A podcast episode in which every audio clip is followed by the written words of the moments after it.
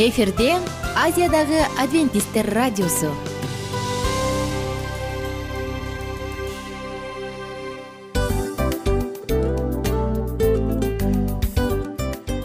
Достор салют. Баардык сүйүктүү угармандарыбызга салам айтабыз. Кутман күнүңүздөр менен. Ден соолук өмүрдүн булагы демекчи саламат саамы программасында баарыңыздарды көргөнүбүзгө абдан кубанычтабыз. Анда алгач амандашып өтөлү арбаңыздар деп. Ден соолугуңуздар кандай элибизде көбүнчө ден соолук кандай дегенде эле жакшы деп жооп беребиз э? ооруп турсак дагы жакшы дейбиз. Анан мен муну айтып ойлойт элем бул абдан сонун сөз депчи анткени бул жакшы деген үмүт да э ооба баары жакшы болот. Баары сонун. Деп үмүттөнүп атып эле өзүбүздү өзүбүз дарылап коебуз. Анысы кандай? Сиздин дагы ден соолугуңуз жакшы беш деген үмүттөбүз чындыгында ден соолук бул өмүрдүн булагы деп бекеринен айтылган эмес деп ойлойм. Кыргыз элинде анткени эгерде ден соолук жок болсо анда адамдын жашоосунда калган баардык керектүү маңыздуу нерселер өзүнүн баалуулугун жоготуп коет. Ошондуктан ден соолук бул эң керектүү нерсе. Ооба туура айтасың кесиптешим чынында ден соолугуң жок бир эки үч күн ооруп калсаң эле э кандай болуп калат? Жашоодо көз каранды болуп каласың көп нерсеге жетишпей каласың көп нерсени кыла албай каласың жада калса эшикке дүкөнгө да чыга албай каласың. Туптуура анан ден соолук болсо демек биз биздин бактыбыз тоодой деп койсок болот. Анда достор саламат саамы рубрикабызды баштайлы. Алдыда өзүңүзгө керектүү болгон сонун кеңештерди уга аласыздар. Мына ошондуктан биз менен бирге болуңуздар. Ал эми биз болсо милан жана айнура. Кеттик алга. Алга саламат саама ден соолуктун жарчысы. Саламат саама ден соолуктун ачкычы. Күн сайын сиз үчүн мыкты кеңештер сонун жаңылыктар кызыктуу фактылар биздин рубрикада.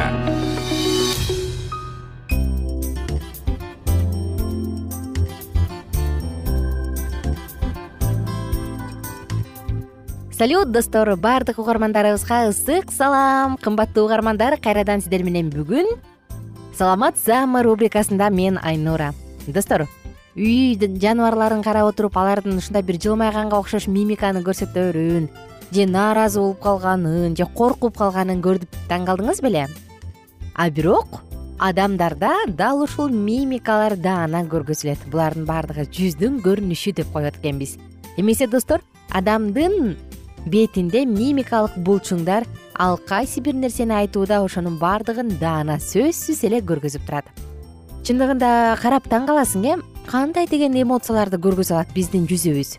Кубаныч кайгы тынчтык коркунуч рахат алуу же бир оорунуу жана башка толтура эмоциялардын баардыгын тең көргөзүп берип тура алат эми болсо элестетип көрүңүз. Сиз бир ыйлап аткан адамды көрдүңүз. Анан келип ай сизге эмне болду? десеңиз жок менде баары жакшы баары сонун менде баары сонун сарсанаа болбоңуз кабатырланбаңыз делсе сиз анын жүзүнө көбүрөөк ишенесизби же айткан сөзүнөбү ооба да сөзсүз түрдө анын жүзүнө көбүрөөк ишенебиз. Адамдын бети өзгөчө бир нерсе өзгөчө түзүлүш өзгөчө орган. Адамдын мимикаларын изилдеген илимдер бар э билебиз. Дененин тили бар андан адамдын жүзүн кыймылынан улам анын чыныгы анык ордун же болбосо анык эмоцияларын аныктачу сонун илимдер дагы бар кичинекей бала жаңы төрөлгөндө эле энесинин бетин ушундай бир таң калып карайт. Кошуласызбы? Көрсө мээнин атайын бир участогу бар экен. Ал жер бетти таануу жана анализдөө үчүн жооп берет. Эгерде ошол мээнин бөлүгү бир аз жабыркап кала турган болсо адам тааныш эле адамдардын бетин тааныбай калат. Же болбосо прозапагнозия деп аталат. Ушундай ооруга чалдыгып калышы ыктымал биздин бетибизди эмне мынчалык өзгөчө кылат? Ойлонуп көрдүңүз беле? Ооба да адамдын бүт денесин булчуң системалары каптаган ар бирин. Адамдын денесинде алты жүз кырк булчуң бар болсо анын жыйырма беш проценти бетте жана моюнда. Деңиз э алты жүз кырктын жыйырма беш пайызы. Көрсө достор беттеги жана моюндагы булчуңдар өзгөчө экен. Кененирээк алдыда айтып беребиз башка жактагы булчуңдардан айырмаланып адамдын бетиндеги моюндагы булчуңдар бет сөөккө бириктирилген эмес эки жагынан бириктирилген эмес. Аларда алар баягы мындай кыскарып булчуңдар кыскарган кезде тери чогулат дагы бырыш пайда боло баштайт. Мына ушунун натыйжасында бырыш жана мындай чогулуп калуу же болбосо ямочкалар пайда болот бетте мындай дөңдөр пайда болот. Булардын баардыгы булчуңдун иштешинен көз каранды биз болсо кабагыбызды мынтип бүрккөн кезде эки кабактын ортосунда мындай бугорок же болбосо брыштар пайда болот э? Аны да көрдүңүз беле? Демек ал жактагы булчуңдар дагы баш сөөккө бириккен эместигинен байкалып кабар берип турат. Биздин бетибизде дагы бир укмуштуу булчуңдар бар. Булар чайноочу булчуңдар. Бул дал ушул чайноочу булчуңдар туура булчуңдар жана алар сөөккө бекитилген ылдый жактагы ылдыйкы жаактын булчуңдары укмушу эң эле күчтүү. Алардын чайноодогу булчуңун күчүн эсептей турган болсо жүз килограммга барабар. Бирок жаңгактын сыртын гана ушундай бир тиштегилегенде ошончо күч келбесе биз тамак жеп атканда мынчалык күчтүү коротпойбуз. Биз тамак жеп атканда болгону биздин чайноого кеткен күчүбүз он килограммга гана барабардай болот. Кызык кызык адамдын ушундай бир түзүлүшү э адамдын анатомиясы эң эле кызык. Ошондой эле достор беттин булчуңдарынын иштеши же болбосо регулировкасы баш нервдин борбордук системасынан көз каранды. Муну дагы айта кетишибиз керек. Адамдын жалпы денесинде организминде жүз беттеги булчуңдары саналып келет. Жүздөп саналат. Алар башта жана моюнда. Кандай булчуңдар десеңиз алты топко бөлүп туруп караса болот бул мимикалык моюн булчуңдары чайноочу жана тил ооз көңдөйүндөгү жана көздү кыймылдатуучу булчуңдар. Булардын баардыгы беттин булчуңунда бетте жана моюнда. Эми андан ары айталы адам качан калпайтып аткан кезде анын симметриясы жок болуп калат мына ошондуктан адам кайсы учурда калпайтып атат кайсы убакта чын айтып атат аны адамдын мимикаларынан улам байкап койсо болот. Ошол эле учурда достор адамдын кубанып жатканын ыраазы болгонун эмоциялар көбүрөөк көрсөтөт. Ал эми кайгырып жатканын уялып атканын же жийиркенип жактырбай жатканын билүү оорураак болот адамдын бетинен дагы эң эле эмоционалдык жагынан айырмалануучу бул адамдын эриндери. Ооз деп коет эмеспи жалпысынан биз эриндер жөнүндө сөз кылалы. Адамдын эриндери ии деңиз жылмайганда эки жакты көздөй тең жылмаят ал эми скепсис же болбосо мындай шылдыңдап турган болсо адамдын оозу бир жакты көздөй эле кыйшаят дагы анан күлүп калат. Байкадыңыз беле эркектердин күлгөнү жылмайганы демек ал баардык учурда ошол жагдайда өзүн колго алып турганын бийлик анын колунда экенин көргөзсө аял затынын жылмаюусу тескерисинче анын өзүнүн жалпы маанайына түздөн түз көз каранды эгер айымдын маанайы сонун болуп турса демек ал эч нерсеге карабастан жылмайып күлүп турат.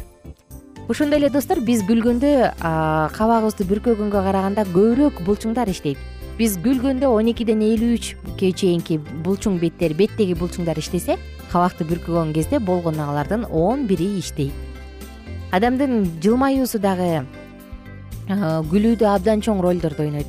Анан жылмаюу жөнүндө айта турган болсок оозду айталычы оозубуз тез тез кургаганын байкадык белек ооз эмне себептен кургайт? Анткени анда тер бездери жок жана анда эч кандай жүндөр жок ал өзүн ымдаштырып тура албайт. Ошондуктан ооз өзгөчө кам көрүүгө муктаж аны биз бальзам жана помадалар менен боеп келебиз. Убакыт өткөн сайын адамдын жаш курагы жогорулаган сайын коллаген белоктору азая баштайт. Демек адам карып баратканда анын тарамыштарында кемирчектеринде терисинде коллаген азаят дагы бырыша баштайт. Ооздо дагы ушундай көрүнүш пайда болот. Ошондуктан достор ден соолукка туура кам көрөлү жана биздин бетибиз сиздин бетиңиз өзгөчө жаратылган экенин унутпаңыз көбүрөөк булчуң булчуңдарды иштетип бетти жигердүү бойдон сактагыңыз келсе дайыма жылмайып жүрүңүз. Кайрадан амандашканча сак саламатта туруңуздар. Күнүңүздөр мыкты маанайда улансын. Саламат саама ден соолуктун жарчысы. Саламат саама ден соолуктун ачкычы. Күн сайын сиз үчүн мыкты кеңештер сонун жаңылыктар кызыктуу фактылар биздин рубрикада. Салют замандаштар баарыңыздарга ысык салам дил маек программабызга кош келиңиздер. Дил маек рубрикасы дегенде эле бул эмне болгон дил маек ким менен маектешебиз деп сурайт болуш керек угармандарыбыз бул рубриканы кыскача тааныштыра кете турган болсок ар тарап кесип ээлеринен болгон сонун интервью кеңештер бар. Ооба. Жылдыздар менен болгон маек бар. Аталарыбыздын агаларыбыздын чоң аталарыбыздан сонун кеңештер бар. Ошондой эле эже сиңдилердин кеңештери бар айтор. Баардык кызыктардын баары алдыда. Негизи эле адам баласы бир кимдир бирөөнө ишенип сырын ачкысы келет эмеспи э мындай баарлашууга жакын келебиз го. Албетте. Негизи бир жерге отуруп алып кенен шашпай баягы жүрөктөн жүрөккө ачып сырларыбызды ар кандай көйгөйлөрүбүз менен бөлүшүп баягы чын жүрөктөн маек курганды кимибиз сүйбөйбүз э? Ооба десең ал нерсеге суусап да келебиз да. Ооба кээ бирде адамга чындыгында баягы э, ысык маек баягы жылуу маек жетишпейт да. Ошондуктан биз ушул рубриканы ойлоп тапканыбызда эң биринчи эле достор сиздер менен чын жүрөктөн бир маңыздуу темаларды козгоп кеткени э, кааладык. Ошондуктан ушундай сонун бир рубриканы тартуулап жатабыз. Анын үстүнө радио дагы сонун дос да анткени э, мындай учурда досуңа айтсаң досуң досуна айтат досу досуна айтат да анан бүт өлкө билип калышы мүмкүн го. А радио болсо сени сатпаган сенин айыбыңды ачпаган сенин сырыңды эч кимге айтпаган сонун досуң. Ошондуктан биздин алдыдагы айта турган кеңештерибизди биздин досторубуздун кеңештерин угуп анан ал жака пикириңизди дагы калтырып кайрадан биз менен байланышсаңыздар болот. Деги эле жашооңузга эгерде кичине болсо дагы өзгөрүү алып моралдык жактан нравовик жактан сонун бир кеңештерди алсаңыз демек биз максатыбызга жеттик. Ооба. Чыңгыз атабыз улуу жазуучу э, чыңгыз айтматов айткандай адам болуу бул күнүмдүк процесс экен. Күн сайын адам бойдон калуу бул адамзатка эң эле кыйын дейт э? э эң кыйын дейт. Чындыгында бунун э, негизинде адамдын эң баягы сапаттуулугу адамдын э, адамгерчилиги жана көптөгөн керектүү нерселер. Мына ошол темалар дагы бизде ушул дил маекте биз аларды да козгойбуз. Ден соолук жөнүндө да сүйлөшөбүз. Сөзсүз түрдө анан милан мырза негизи айтып коюшат го. Биз көбүнчө эмнени ойлонсок ошол нерсеге карата иш кылабыз го. Ооба. Анан анысы кандай? Балким бул радио баракчада кимдир бирөөнүн оюн текшергенге жардам берет кимдир бирөөнүн жүрөгүн текшергенге жардам берет. Балким кимдир бирөөгө жашоонун маңызын тапканга жардам берет. Айтор кызыктын баары алдыда бул жөн гана кыскача жарнама анда угармандарыбыздын баардыгын кийинки рубрикабызга чакырабыз. Ал эми кызматта маңдайымда отурган кесиптешим милан жана мен айнура. Анда эмесе биз даярдаган терең терең ойлор менен таанышууга кеттик. Алыс алыс баралык. Анда эмесе достор биз менен бирге болуңуздар алдыда эң кызыктуу маалыматтардын баардыгы бир нече мүнөттөр бою жалгыз гана сизге арналат мына ошондуктан жакшы маанай менен угууну каалайбыз. Үн алышканча жөнөдүк. Ар түрдүү ардактуу кесип ээлеринен алтын сөздөр жүрөк ачышкан сыр чачышкан сонун маек. Дил маек рубрикасында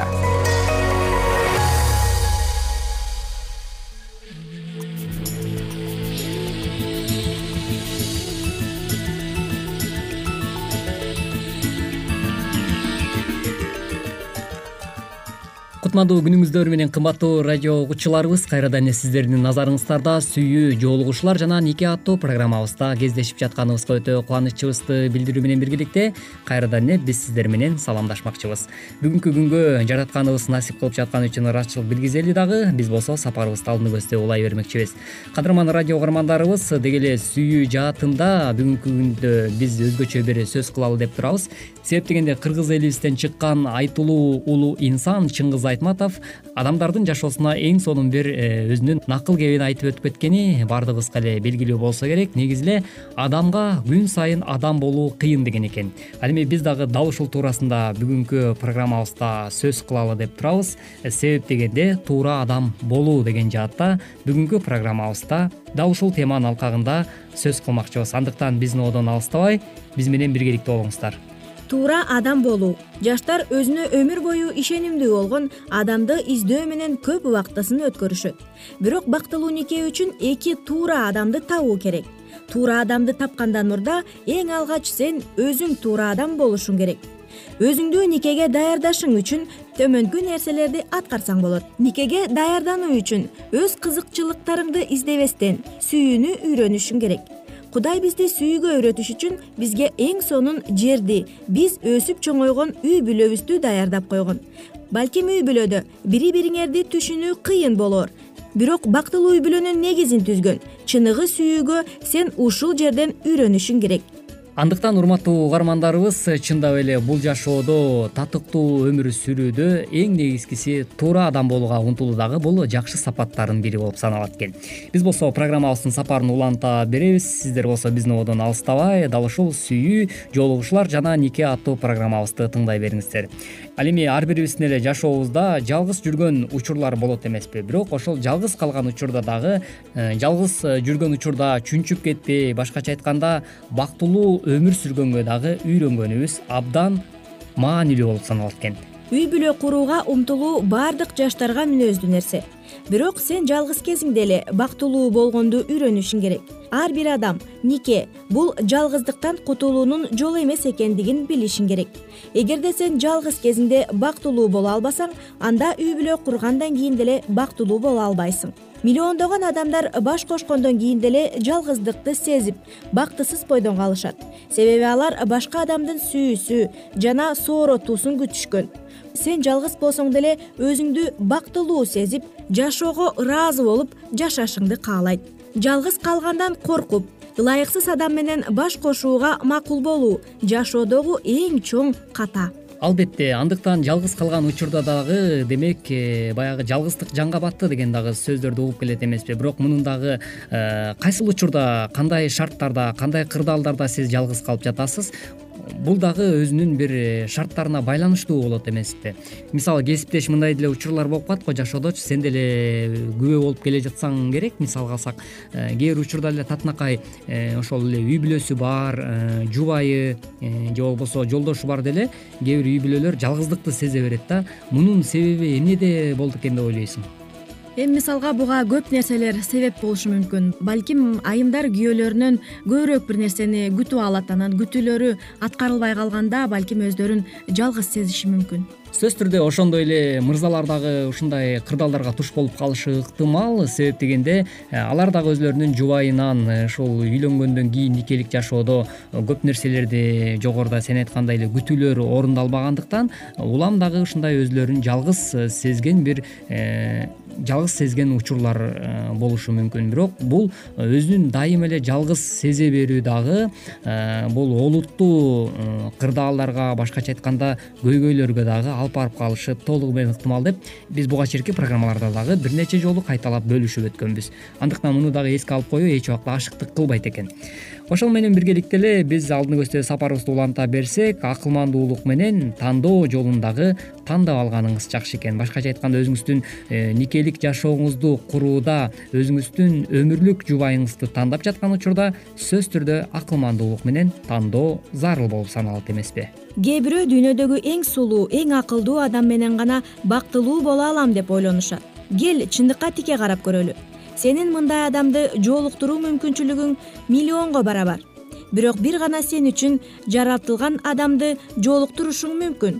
Анан ошол адам сени толуктап сага ылайыктуу экендигин түшүнгөндө гана чыныгы сүйүү пайда болот. Мындан сырткары дагы ошондой эле силер бири бириңерди жакшы билгениңерге э, көзүңөр жетиши дагы абдан зарыл болуп саналат.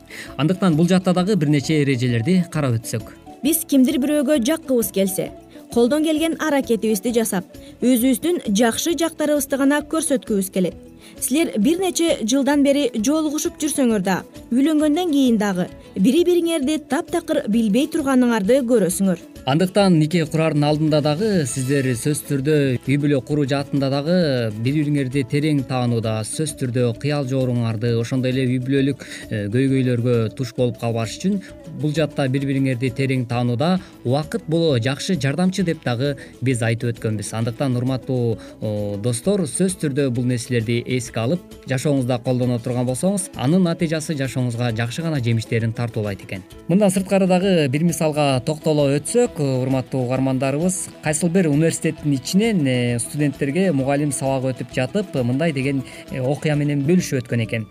Силер үй бүлө кураардын алдында жолугушуулардан сырткары дагы. Бири бириңер менен экскурцияга чогуу барып келсеңер болот деген экен ал эми экскурсия учурунда чыныгы жубайлардын бири бирине карата болгон мамилеси кандай экенин ошол жактан э, толук бири бириңерди жакындан тааный аласыңар деген кандайдыр бир кеңештерин берип өткөн экен. Демек э, чындап эле жашоодо баягы эки адам жолугушкан учурда албетте сөзсүз түрдө жакшы гана жактарын көрсөткөнгө аракет кылат эмеспи ал эми э, кандайдыр бир коомдук иштерди чогуу алып барууда же болбосо ошол эле бир командада иштөөдө мындан сырткары экскурсияларга чыгууда адамдын кыял жооругу ачылып анан э, бири бирлеринин э, мүнөздөрүн толук тааныганга жакшы мүмкүнчүлүк түзүлөт экен ал эми урматтуу угармандарыбыз бүгүнкү уктуруубузга дагы назар салганыңыздар үчүн ыраазычылык билгизүү менен биргеликте бизге бөлүнгөн убакыт дагы өз соңуна келип жетти.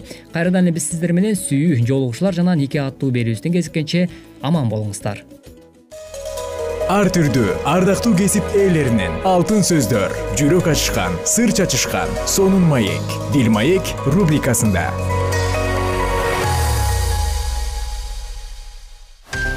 жан дүйнөңдү байыткан жүрөгүңдү азыктанткан жашооңо маңыз тартуулаган жан азык рубрикасы.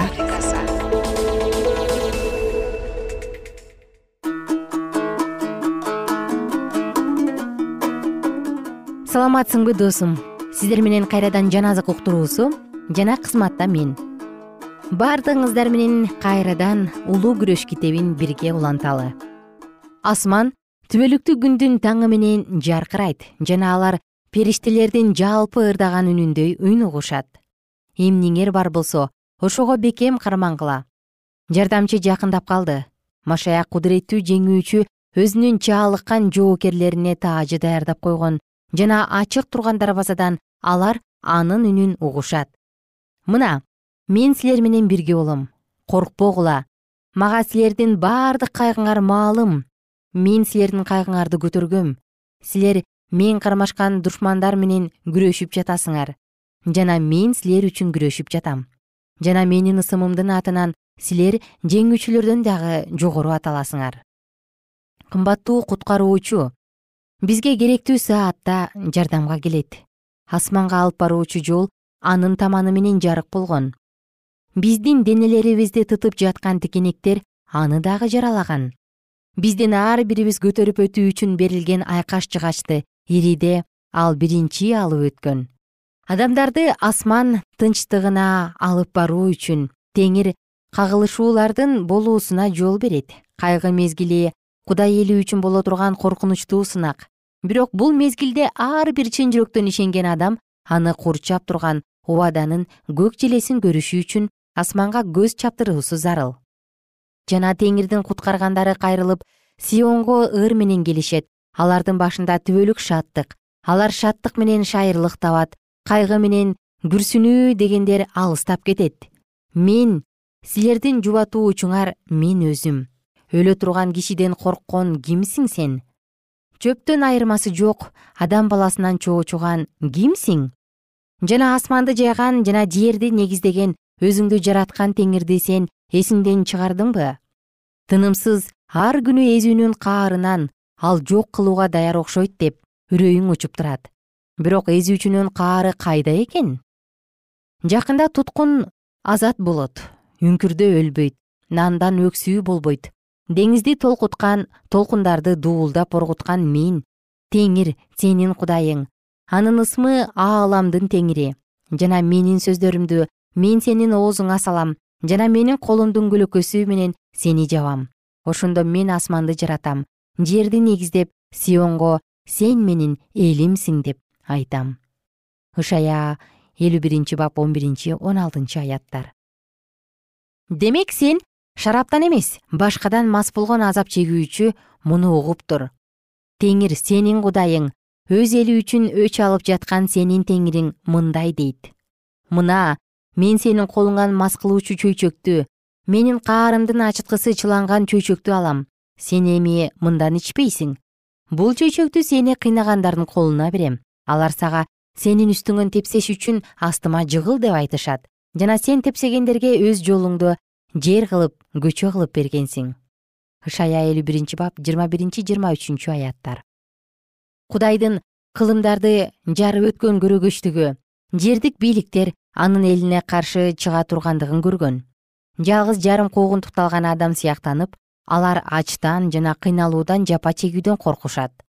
Бирок израиль элинин алдында кара деңизди жарып берген теңир өзү аларды дагы бошотуш үчүн өз күчүн көргөзөт. Жана алар меники болот дейт ааламдын теңири. Мен жасаган күнү алар менин менчигим болот. Адам элпек уулуна ырайым кылгандай мен дагы аларга ырайым кылам малахия үчүнчү бап он жетинчи аят. Эгерде ошол кезде машаяктын ишенимдүү күбөлөрүнүн каны төгүлө турган болсо анда кудайдын түшүмүн алып келүүчү үрөөн боло алышмак эмес. Алардын ишенимдүүлүгү башкаларды чындыкка чыгарыш үчүн күбөлүк болбой ырайымдын толкундары карайган жүрөктөргө урунуп кайра кайтып келмек эмес. Эгерде азыр адилеттүүлөр өз душмандарын болжосу боло турган болсо бул караңгынын мырзасын чоң кубанычка салмак. Забур китебинде мындай деп жазылат. Анткени ал менин башыма күн түшкөндө өзүнүн ак ордосуна калкалап калар эле. Өз айылынын далдаасына жашырып мени аскага чыгарып жиберчү. Забур жыйырма алты беш. Машаяк мындай дейт. Менин элим баргыла каар тараганча өз жатаканаңа кирип артыңан эшигиңди кулпулап бир аз убакытка далдааланып жат. Анткени мына теңир өз турагынан чыгып жерде жашагандарды өз мыйзамсыздыгы үчүн жазалоого келе жатат. Ышая жыйырма алтынчы бап жыйырманчы жыйырма биринчи аяттар. Кимдин ысымы өмүр китебинде жазылса ким анын келишин күткөн болсо алардын куткарылуусу даңктуу болот. Кыркынчы бап. Кудай элинин куткарылуусу. Качан кудайдын мыйзамдарын сактаган адамдар элдик мыйзамдардын коргоосунан ажыратылып калганда ар кайсыл мамлекеттерде аларды кыйратып жок кылуу максатындагы кыймыл башталат. Жана буйрукта көргөзүлгөн мезгил жакындаганда адамдар бул топту жок кылуу үчүн сөз бекитишет. Каршы чыгып сүйлөгөн үндү биротоло жок кылуу максатында бир түндө чечүүчү сокку берүүгө чыгышат. Түрмөдө токойлордогу жашыруун жерлерде жана тоолордо жүргөн кудайдын эли коргоо үчүн кудайдан жардам сурап кайрылышат. Алардын айланасында аларды өлтүрүү максатында баардык жерде куралдуу топтор уюшкан. Жана ушул саатта алардын кудай теңири кийлигишип аларды куткарып алуу үчүн чыгат. Ал айтат а силерде ыйык майрамдын түнүндөгүдөй ырлар ырдалат. Теңирдин тоосуна израилдин аскасына чыгып бара жаткандай жүрөгүңөргө кубаныч толот. Жана теңир эбегейсиз добушу менен өз үнүн жаңыртып каарданган каруу булчуңу менен оттой жалмаган жалынын каптатат. Бороон удургутуп ташкын ташытып таш жаадырат. Ышая отузунчу бап жыйырма тогузунчу отузунчу аяттар.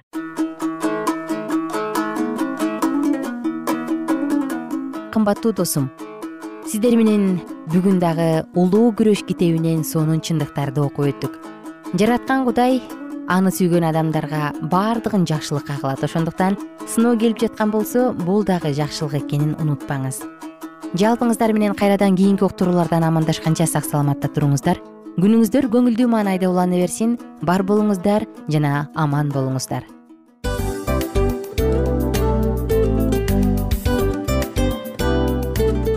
Мына ушинтип убакыт дагы тез өтүп кетет экен. Биз дагы радио уктуруубуздун аягына келип жеттик келип кубандырдыңар эми кетип кубандыргыла деп тамашалап калышат эмеспи? Анысы кандай? Радио баракчабызды программабызды азыр эле баштап аткандай болдук элек мына соңуна келдик э? Негизи убакыт э, билинбей өтүп кетет экен? Мен дагы э, убакыт дегенде бүгүн бир адам менен сүйлөшүп калдым. Анан убакыт бул мүмкүнчүлүк деп айтып өзүмө өзүм айтып алып анан мага өзүмө эле кайра ачылыш болду да чын эле Э, карап отурсаң ошол эле жыйырма төрт саат ошол эле жарым саат кайталанып атат бирок сендеги мүмкүнчүлүк жок ошол кой берилип кетти? Анысы кандай? Бүгүнкү сонун убактыңызды алтындай болгон жарым саатыңызды бизге бөлүп арнаганыңыз үчүн ыраазычылык айтабыз. Анан жашооңуздун кайсы бир сферасын өзгөртө турган сонун пайдалуу кеңеш алган болсоңуз анда биз максатыбызга жеттик. Анан ушул нерсени кылбасам десеңиз ошол өзгөрүүлөрдү кичинекей кадамдардан баштап иш жүзүнө ашырыңыз дагы жашооңузда чоң чоң ийгиликтерге жетиңиздер чын жүрөктөн ар бир берилген кеңештер сөздөр сиздерге пайдасын алып келет деп ишенебиз жана кийинки уктурууларда сөзсүз түрдө чыдамсыздык менен сиздерди күтөбүз. Сагынычтуу салам айтып кайрадан дал ушул жыштыктан баардыгыңыздарды тосуп алганча кызматта мен айнура жана кесиптешим милан. Анда кол пул каалайбыз жалпыңыздарга ийгиликтүү күн. Саламатта калыңыздар